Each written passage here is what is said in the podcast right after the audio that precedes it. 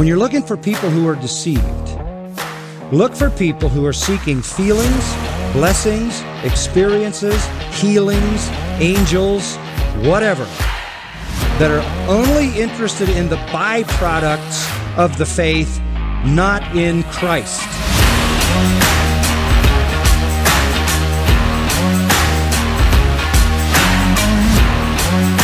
Come out from among them. Run for your life. Because this is about your life. It's not just about an opposing theology or a conflicting viewpoint on Jesus. This is about your life. Run from gospels that focus only on success and prosperity. Run. Run from churches where men and not Christ are glorified. Run. Run. Body of Christ, run. Get out. Run from churches where you're comfortable in your sins. Run from preachers that stand and tell stories and jokes. Run like you've never run before.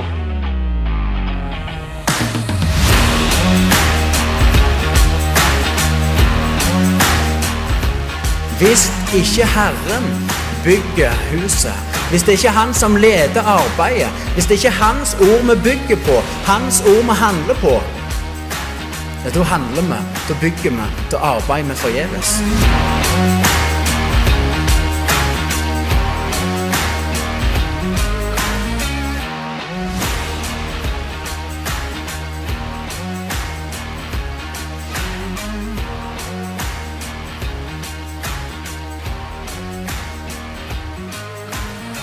Tilbake til Reformerte lekmenn. Mitt navn er Håvard Handland, og med meg i studio så har jeg Thomas Oppstad, Matt Stanghelle og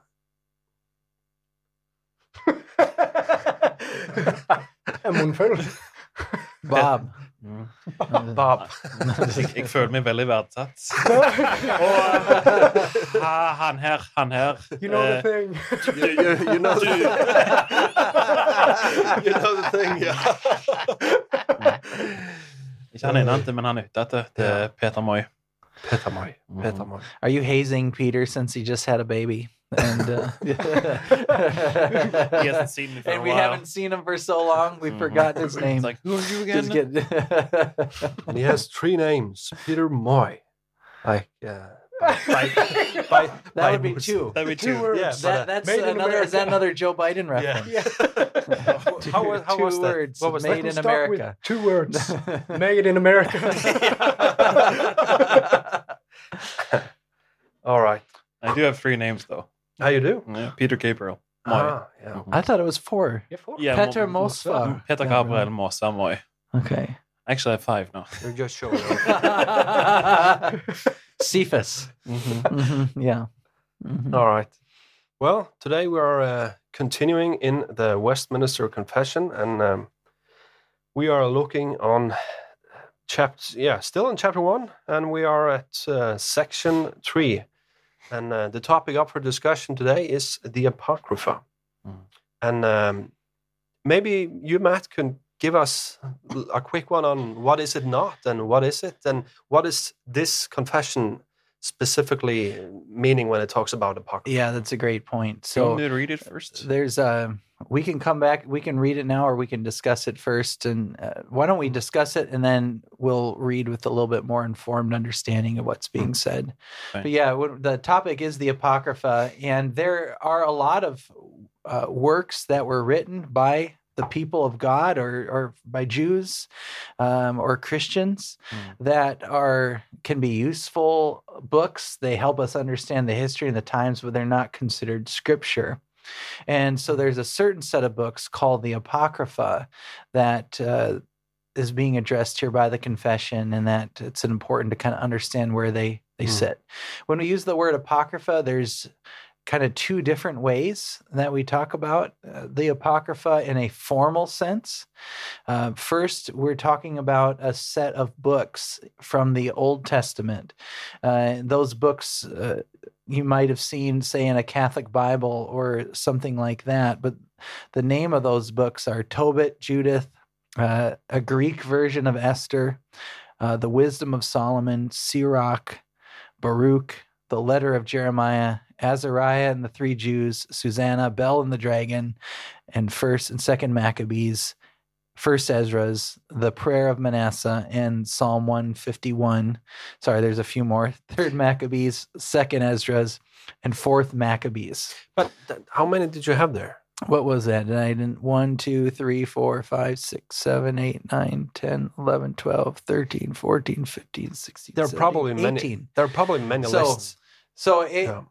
uh, not necessarily. So of Hmm. of what's called the Old Testament Apocrypha, these are the the standard books Mm. that are in there. You can find them in the Greek Septuagint, for example. Mm. Uh, and so there's there's a specific set of books that we're talking about.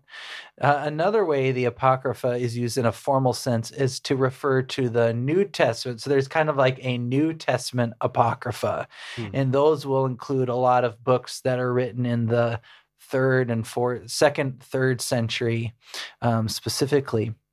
Um, outside of that, there's other books that would be called like the pseudepigrapha, which are are uh, books written kind of under somebody else's Mm. name, whether that's Moses or Abraham or something uh, like that, or Enoch would be another one.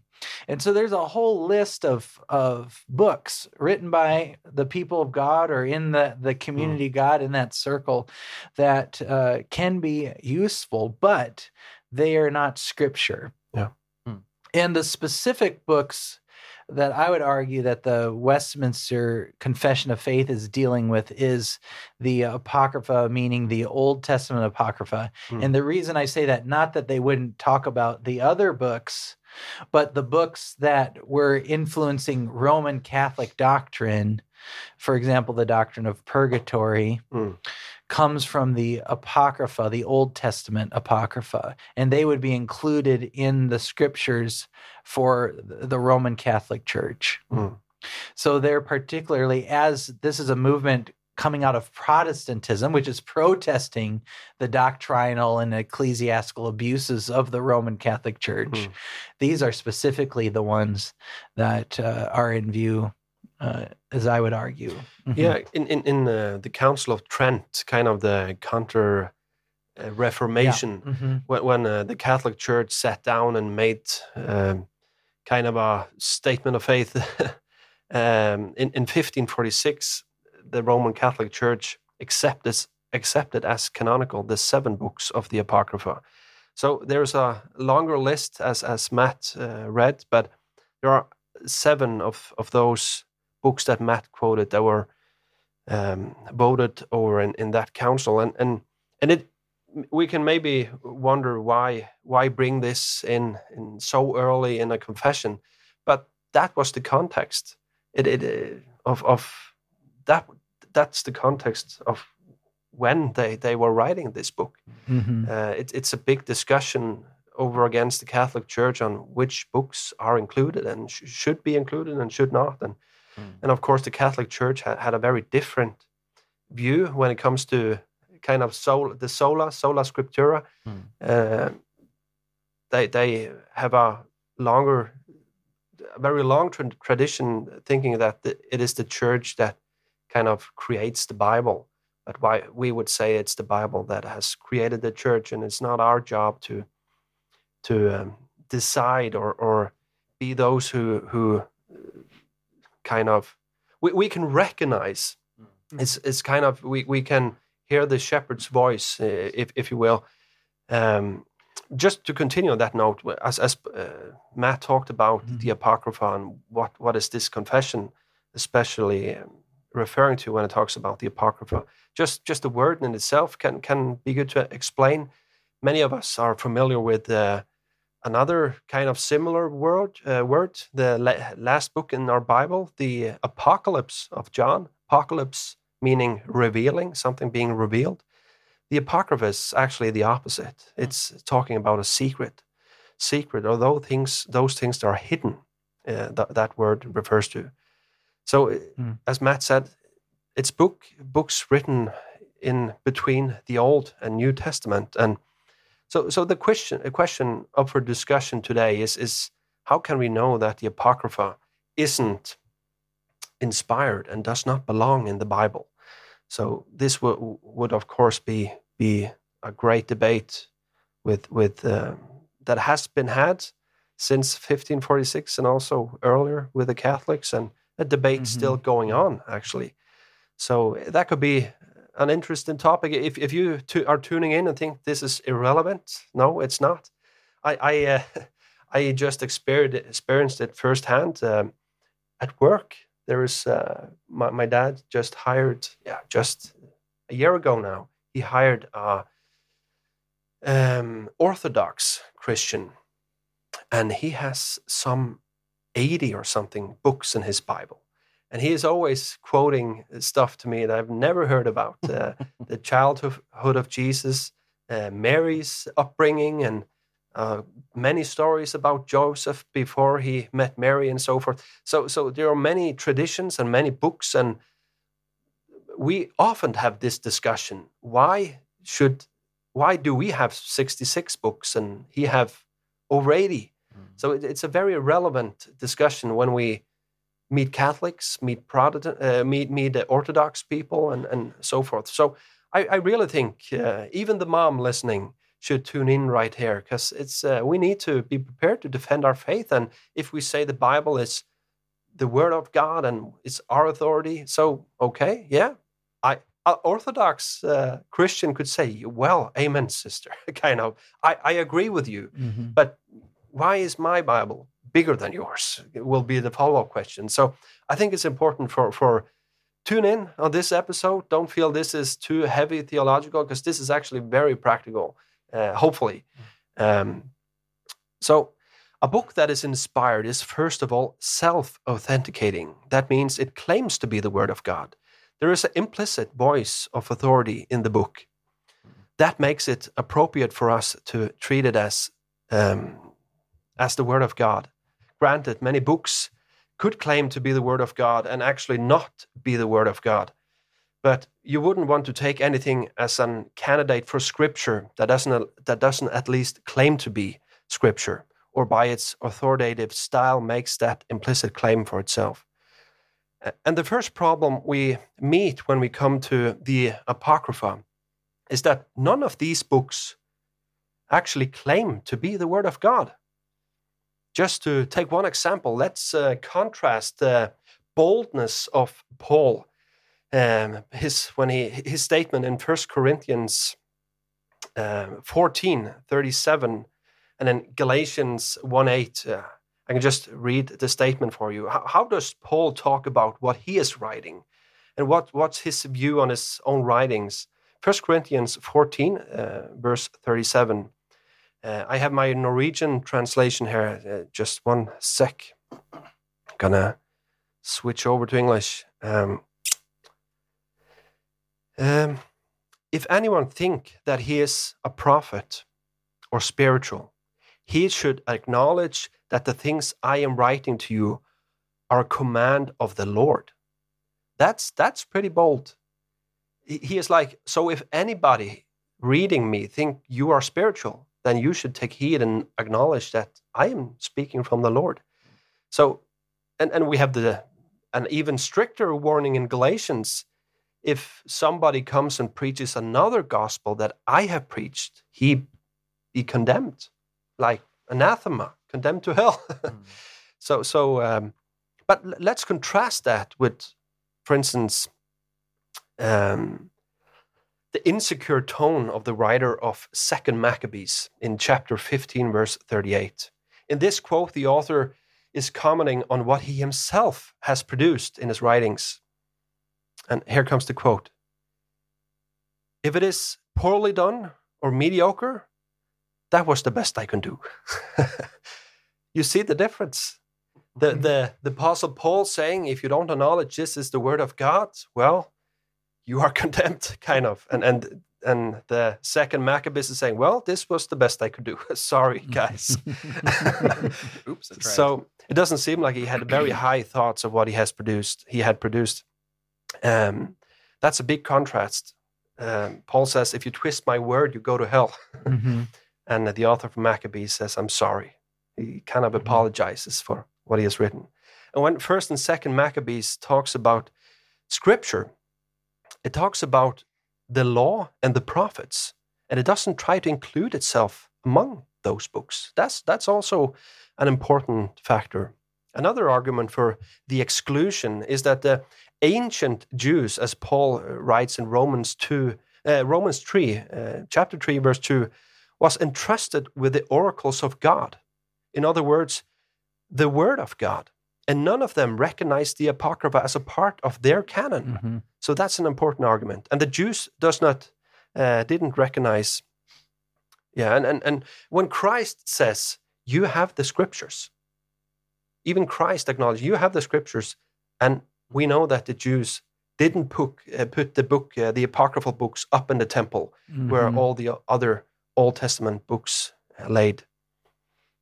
We we can uh, maybe if you have something to uh, come with, feel free to. I think on the last Oh, yeah. note you said there, it's interesting to see that uh, in the Gospels you see Jesus very often uh, discussing with the Jews, uh, but he never discussed with them about what was the inspired word of God, Mm. because both him and the Jews he talked to, Mm. they both knew which books were inspired. Mm. Yeah, it was settled for them. Mhm. Mhm. Yeah. So you, you can't actually say, well, it doesn't matter what the Jews said. It doesn't matter what books they had or not. They, they aren't even in, in this debate. Well, we should take them into this debate because Christ acknowledges Mhm. that the Jews, you have the scriptures. So Yeah. we should ask and, and look into what, what did actually the Jews have? And through, even through to, to this day, the Jews, Judaism doesn't recognize the, the Apocrypha and never, never does. Yeah, never- likewise, Paul in Romans says that, the Jews have been, what advantage do they have a- among the lists that he gives? They've Mm. Yeah. been entrusted with the oracles of God, right? Mm. And Jesus referred to the law, he referred to the prophets, he referred to the writings. Mm. Uh, and using those technical terms, you have the Torah, the Nevi'im, and the Ketuvim. So those are the three parts of the Hebrew canon. Our Protestant Old Testament, which is Torah being the law of Moses, the five books, then the Nevi'im being the, the writings of the prophets, and then the Ketuvim being the other writings, including the Psalms, for example. Mhm. Uh, and Jesus never refers to these other these other books, and surely He's our guide to know what Mm. the scriptures are. Mm. And yeah, He never He never contradicts or tells the Jews you're missing books, you're Yeah. you're missing things. Um, that's exact. So that to me is is the nail in the coffin, Yeah, in yeah. my opinion. But you also, I mean, if you study the Jewish history, you know Joseph, Josephus, uh, or and Philo as well. Neither of them um, understood the Apocrypha as part of their their canon. Uh, Yeah. Neither do later rabbinic writings. Mm. Uh, so those things, you know, just as it's not. So it's not like Protestants. Well, we don't like some of the doctrines of the Catholic Church, so we need to get rid of some of the books But that's the of critic. the Bible. That's right. the- that's the That's a critique. that's the critique. Mm. But we're looking to Jesus Yeah. Mm. to tell us, okay, what are the words of God, particularly in this case in terms of the Old Testament. And and I do they- totally yeah. agree when you say that that's the nail in the coffin. Yeah. We actually don't need to continue to go further. We, we don't need more nails. So, Mhm. so for the mothers and, and, and those who are listening that don't, well, this is getting too heavy. I feel I, I don't know if I have my my kids are screaming right now. I have to go. Well, you you, you can tune out now. Kind of, kind of you got it. so so, but but still, we have more nails. So we can't just let them hang around. Let's uh, hammer in some more nails to this coffin. And and I want us to look a little bit uh, at Should the, we first read section three? well, we are Well, I, almost try, I, finished. try, I tried that already, but uh, okay, let, us uh, read uh, section three, and then we can uh, move on to look uh, look at early church history. S what what what did early church fathers and Christians say uh, about the apocrypha? Thomas, you don't want? Do you want to read? Sounds like you got it. I can read it.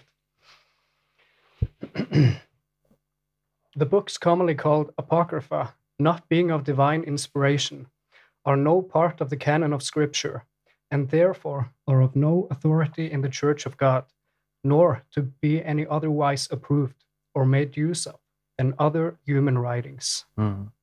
Mm. as you said in, in more in the beginning, that we recognize what is God's word. It's not Yeah. what that we're saying. We're naming it God's Yeah. word. Like Mhm. I I now say that this is God's word. No, Yeah. it's the we recognize God's voice in it. Mm. Um, one scholar said that the the canon was already set in God's mind, and we're we were finding it or we were Mm. getting it in a sense. And uh, And and the picture that has been used many times is like it isn't you acknowledging that you have tuberculosis that actually gives you tuberculosis. Mhm. You already have it if you want to acknowledge it uh, or not, kind of. Mhm. And that's our the Protestant approach to the Yes. scriptures. mhm. It isn't by the church acknowledging scripture then it becomes scripture. Mhm. It's already scripture. Yes. So we should acknowledge it or Yeah. else we are fools. Yeah. So that's Mm. the the order Mm. of things. Mhm. Um, and also a good way of, s- of seeing like number two was what is what is scripture and number three is what is not scripture Hmm. it's like if you're not if you're not proficient in the in, in the kitchen if you're wanting to bake a cake and you have a lot of ingredients you need to know what goes into the cake and what does not go into the cake might be a simple uh, picture but Mhm. i think it like if you put something if you put salt in a cake then it's not a cake anymore well some cakes do have Hmm. salt are you hungry? I ate a little Yeah? bit. Okay. yeah. Can someone give him a I'm a sandwich? I'm a sweet tooth. There. no, but so it's it's important to say that this is and this is not. Yeah. And in this sense, the Apocrypha have by some been claimed to be, as we said, the Catholics, the Orthodox, they claim that this is Scripture. Mm. So this is saying no, it, it is actually not. Yeah. Mm. Just to um, continue with some more nails in the coffin. Early church history. The first Christian writer to explicitly address the question of an accurate list of canonical books of the Old Testament was the Bishop of Sardis named uh, Melito. He wrote about 70, uh, 170 AD. And Melito denounced, uh, or you can say he, he, he doesn't include any of the apocryphal books in his list. Uh, Athanasius, famous church father around 400 AD, bluntly rejects the books of Tobit, Judith, and Wisdom. Uh, the early church scholar Jerome, the man famous for the Latin Vulgate, the translation of the Bible into Latin, in the year 395, enumerated the books of the Hebrew Bible, and he does not include the apocryphal books. And that's kind of interesting because the argument has in, in, in newer times been well, the Latin Vulgate of uh, um, Jerome included the apocryphal book, so we should do it. So, and, and as, as we know, and maybe you, Matt, can talk even more extensively about this, is for the Jerome's translation of the Bible was kind of the Bible for the early church for, for over a thousand years. Mhm. So i- if for over a thousand years that's the Bible and it has included the apocryphal books, that that brings some sentimentality with it. Kind of well, th- this has been our Bible, but Jerome himself never he he- brought it in as as helpful information, but not as an a part of the inspired book of the Bible. Mhm. Um, Yeah, I mean, and that's there's if you study church history, there's a mixed view on these books. Oh. So uh, the Roman Catholic Church and uh, the Council of Trent declares these books canonical Mhm. scripture on par with the other books of the Bible. But Greek Orthodox, they call the Apocrypha deuterocanonical. They're like a second kind of canon where Yeah. they're important, but they have like a secondary status to them. Mm. And then, of course, as Protestants going back to the early church, we say these don't have any part of Scripture. Most importantly, because Jesus didn't recognize them. But what the Protestants are doing is they the whole the whole point of the Reformation was to go back to the sources. So they had a saying ad fontes, you know, back Mhm. to the source. Like we're finding the spring where the water comes from and we're going to drink from there. Mm. That was the whole Renaissance spirit. And then that led into the uh, the spirit of the reformers. And what uh, what made the difference there, in my estimation, a lot of church historians uh, say this as well, is it was Erasmus's Greek New Testament that uh, that changed everything, and they're also beginning to um, they're beginning to uh, rediscover the Hebrew manuscripts as well, and that's becoming more available too. But they're realizing that that doctrines, false doctrines, are being taught in the church because of bad translations, Mm. and that uh, even Jerome's Latin Vulgate had bad translations. So he translates the word repent into do penance. Mm. So this whole system of things you needed to do to get gain God's forgiveness was built out of a bad translation. But in the same way, back to your point, Håvard, is that you know if you have that baked into your book, your scriptures for a thousand years, Yeah. it does take on a special role. Yeah. And it unfortunately took on a role that it never should have had. For instance, Uh, with yeah. take a book like Pilgrim's Progress that is near and dear to I think both Catholics and Christians, and and uh, say say that book would would have just been a pamphlet in the back of our Bibles for a thousand years. You would probably start to think that well, it belongs there. It has been there for a thousand years, then it should continue to. Mm. But uh, yeah, Yeah. So I mean we can we can talk about the the fact that there's mixed views, but for me as a minister, I want to make sure that what I'm preaching in the books I'm reading is the word of God. I know as elders we want to we want to do that and to me it's going back well what did Jesus teach Hmm. about the matter? What did he what did he model? Yeah. And I want to follow that. And that's really the spirit of ad fontes of going back to the source. What did the Lord say about it? So Hmm. the Roman Catholics have a very different view of the role of tradition Mm. than than we do. So um, the reformers loved the church fathers. They'd go back to see what they taught, but they weren't viewed as infallible, without error, Mhm. right? Um, where the Roman Catholic doctrine is that the when the Pope officially speaks or gives a pronouncement, that is as if Saint Peter is speaking through the mouth of the Pope. That Mm. that's their view. Um, and so all of that papal tradition it gets added on as equal equally authoritative Hmm.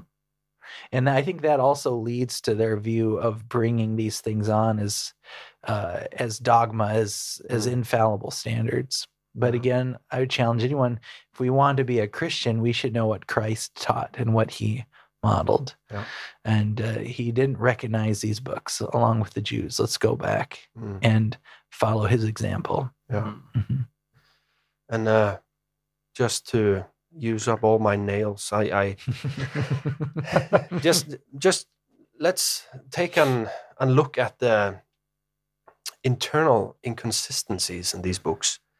And I just want to give you some examples. So for those of you who haven't read them, you can just um, yeah, you, you can read read them yourself. I I I, would say you, you you can see see it yourself that there is a lot of inconsistency here, and you don't have to be a scholar to see it. Um, they are they are filled with doctrinal, historical, and ethical error. And just to give an example, the book of Tobit, Tobit claims to have been alive when Jeroboam revolted and um, when Assyria conquered Israel. Okay, Je- Jeroboam revolted in the year 931 BC. Assyria conquered Israel in year 722 BC. How long of a lifespan is then Tobit claiming? 209 years old. But another place, he is, his lifespan is claimed to be 158 years. So which is it? So that, that's one, one example of an internal inconsistency. In the book of Judith, uh, Nebuchadnezzar is mistaken for being the king of Assyria. And uh, even in our small children's books, we know that Nebuchadnezzar wasn't the king of Assyria, he was the king of Babylon. Mhm. Uh, so that's a big one. Um, another place in the book of Tobit, in chapter 6, verse 6 to 7, Tobit endorses the superstitious use of fish liver to ward off demons. Um, in the Wisdom of Solomon, uh, it teaches in chapter 7, verse 17, that the word was created from pre existent matter. And that's just outright theological error. that's, that's heresy. And it contradicts the testimony of Scripture. For instance, in Colossians 1 and John 1, where we read that the word was, uh, word was created from nothing, ex nihilo, and that God spoke the word into existence. Um, and in uh, Maccabees chapter twelve, uh, we um, we are taught prayers for the dead.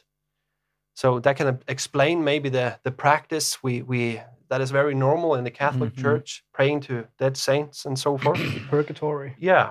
Mhm. Um, so there are many reasons, both external and internal, for us rejecting these books as uh, a part of Mhm. the canon. hmm You know, just in case you know anyone argues that the Westminster Divines had the New Testament Apocrypha in mind too. I mean, that's really fine. Um, maybe we should just take a moment to talk about that as well. So, you know, in recent years, there's been, well, I'm getting older. It's maybe been 10, 20 years now, but you have the Gospel of, of Thomas and other Gnostic, what are Mm. called Gnostic Gospels. And, you know, there's some have erroneously taught there was a conspiracy to rid the early Yeah. church of these true sayings of Mm. of Jesus or, or whatever. But I think it needs to be stated that the reason that the New Testament Apocrypha is not part of Scripture, I mean, there's a number of reasons you can give. One would be that they're all second or third century, so they were not written by those living in the times of Christ. Even time- though they are claiming I'm Thomas. Or yeah, I'm, yeah, exactly. Yeah. They're all dated, and and scholars uh, on all of all stripes Yeah. would uh, would acknowledge that they're second or third century. They're late. They come late. Hmm. Um, another example would be that the systems of doctrines in these in the Gnostic uh, books are completely different than that in the New Testament. So Yeah. just by reading the two, you can see there's a very different thing happening Hmm. here. Uh, you know, another uh, example would be that the New Testament, or sorry, the early church never gave any uh, consideration to these books being in the canon at all Hmm. either. And I think that says something. Uh, so there's a scholar by the name of Michael Kruger who says that by the time the uh, edges of the New Testament canon were solidified in the fourth century, the apocryphal works were noticeable mainly by their absence. So there, there wasn't even discussion. So even the Christians in the early church that are dealing with these and recognizing what is Scripture, they these weren't even Hmm. being seriously considered. There's a great article for anyone that wants to read more about the Apocrypha, uh, Mhm. both Old Testament Apocrypha and New Testament Apocrypha, on the Gospel Coalition. Michael Kruger has a an article there that I would I would commend. It's it's it's short, it's not Mm. too long, and it gets right to the point. It's it's labeled the Apocrypha, Yeah. so uh, by Michael Kruger. So I'd commend that to anyone that wants to study a little bit more. Håvard, are there any resources that uh, um, you'd Well, recommend? Um, I love Dan uh, Kruger myself. I have many of his books and, and greatly appreciate it. Um, Daniel Wallace. Daniel Mhm. Wallace. I, I, I really recommend you just search him up on uh, YouTube, if so. Uh, I know there are free courses you can download on, on the internet where he goes through the whole church history. How did we get our Bible? He has a, he has his own course, and it- it's a long course. It's uh, thirty hours or something, but it's uh, really beneficial if you want to go deeper into textual criticism and and Mm. Yeah, that's a fancy word, but it's not talking about critiquing the Bible, but it, it's it's the field of studying, finding out more about manuscripts and and Mhm. differences between them and so forth. Um, but but uh, Daniel Wallace, uh, he he is a leading scholar Yeah. uh, when it comes to textual criticism, and uh, so yeah, search him up on YouTube and enjoy. hmm There's a, a book by Craig Blomberg called Can We Still Believe the Bible? That Mhm. would be uh, an excellent one that I'd commend as well. I think one of the things that happens, we in the last episode, we talked about it's actually not the Christians who are narrow minded. Mm. Um, when, all you're getting in, in secular universities is that the Bible has errors. The, and it's just those things are just assumed Yeah. so that professors don't even need to defend their claims Hmm. um, or they might give some kind of superficial example that when you actually put it under the, the under scrutiny it, it the argument falls flat Yeah. that there is uh, lots there's tons of good scholarship to show why we can trust the bible that we have Hmm. uh, why even with translated versions as long as they're based on good manuscripts that they're very reliable Hmm. that they're very accurate. Um, it's really important, but it's sadly most people they just hear, oh, it's got errors, and then they just take that in without critical thinking at all. Yeah. So if you don't want to be narrow-minded and you're doubting the scriptures, seek these authors out that we talked about, these books and resources. Think critically about them. You might reject it at the end, but uh, if if uh, if you want to call Christians narrow-minded, you better not also be narrow-minded by refusing to read good arguments to the contrary. Yeah. Yeah. Well, uh, Håvard, besides just talking about the Apocrypha and uh, what what it is and what books they are, we should maybe get back into the rest of this paragraph a little bit and what Yeah. what the confession says about it. hmm So, as Thomas read, the books commonly called Apocrypha, not being of divine inspiration, are no part of the canon of the Scripture, and therefore are of no authority in the Church of God, nor to be any otherwise approved or made use of than other human writings. Mm. So, there's kind of two things being said here. Is uh, on one hand, they have no authority for theology, for church doctrine, Mm. um, but they can be useful. I mean, put positively, Mm. they can be useful as long as we treat them as human writings. Yeah. You know, Mm. that we we gain a lot of insights about the the time period between the testaments by reading these historical documents Mhm. and the Maccabees, and you know, included. Mm. Yes. It does shed a lot of insight into the the worldview, the mindset Mm. Yeah. of uh, of those living between these times, and so I think it is worthwhile to read and uh, to look at them and just kind of have an idea what they say. Just don't be deceived at their scripture. Mhm. Uh, uh, Yeah. Child, how do you say a childhood friend? I don't know if I should call it that, but a good, friend of our family. uh, He he is a tour guide in Israel, Mm. and uh, that's a very extensive education. It, uh, they have uh, a very strict and high standard for who gets to be guides in their country, and and uh, I sat down and talked talked with him some time back, and, and he explained his material and what they were going through, and in uh, his line of work, being a tour guide in Israel, the apocryphal books, especially those we, we have gone through, the seven books we have gone through, or, or also from the, the, the larger list that Matt quoted from, uh, that's much of the pensum. That's much of the, how do you say it in English? Uh, Curriculum? Curriculum. Curriculum they're going through. Ma- Because they are very helpful explaining geographical stuff happening in Israel, wars and so forth. And and I think he said uh, it's mainly because of much that is written in those books. They figured out uh, the grave of Samson, for his, for instance. So there are many interesting things you can learn and know about these books. So I, I don't uh, think I don't hope that the expression uh, that it comes off that we commend everybody to stay far, far away from these books. They're helpful, and in, in, in the same way that many other books can be helpful. But Mm. as long as we, as as as is, as is quoted in, in the confession, that we treat them as books written by men and not by Mhm. God. Mhm. Mm. Mm. Yeah. Yes. I heard one say that uh, treat uh, treat them like uh, you treat the writings of either C.S. Lewis or uh, Tolkien, Mhm. and um, N- not like Darwin, yeah, but actually some good good people. But it's a good ex- uh, good point that you make at the end there uh, that when we talk about the uh, apocrypha and maybe the Westminster Confession of the different confessions talking about uh, the apocryphas, uh, Westminster is the one having the most negative negative tone to it, and uh, Towards it, yeah. yeah Mhm. towards it. I Mhm. mean, and then uh, one can think uh, that this book to stay away from, but this is a the apocryphas can be uh, interesting and good read as historical documents, like one would read Josephus, Mm. for instance, and other history books. Mhm. Yeah. Also on, on the New Testament books, if you read them, it's like this is weird.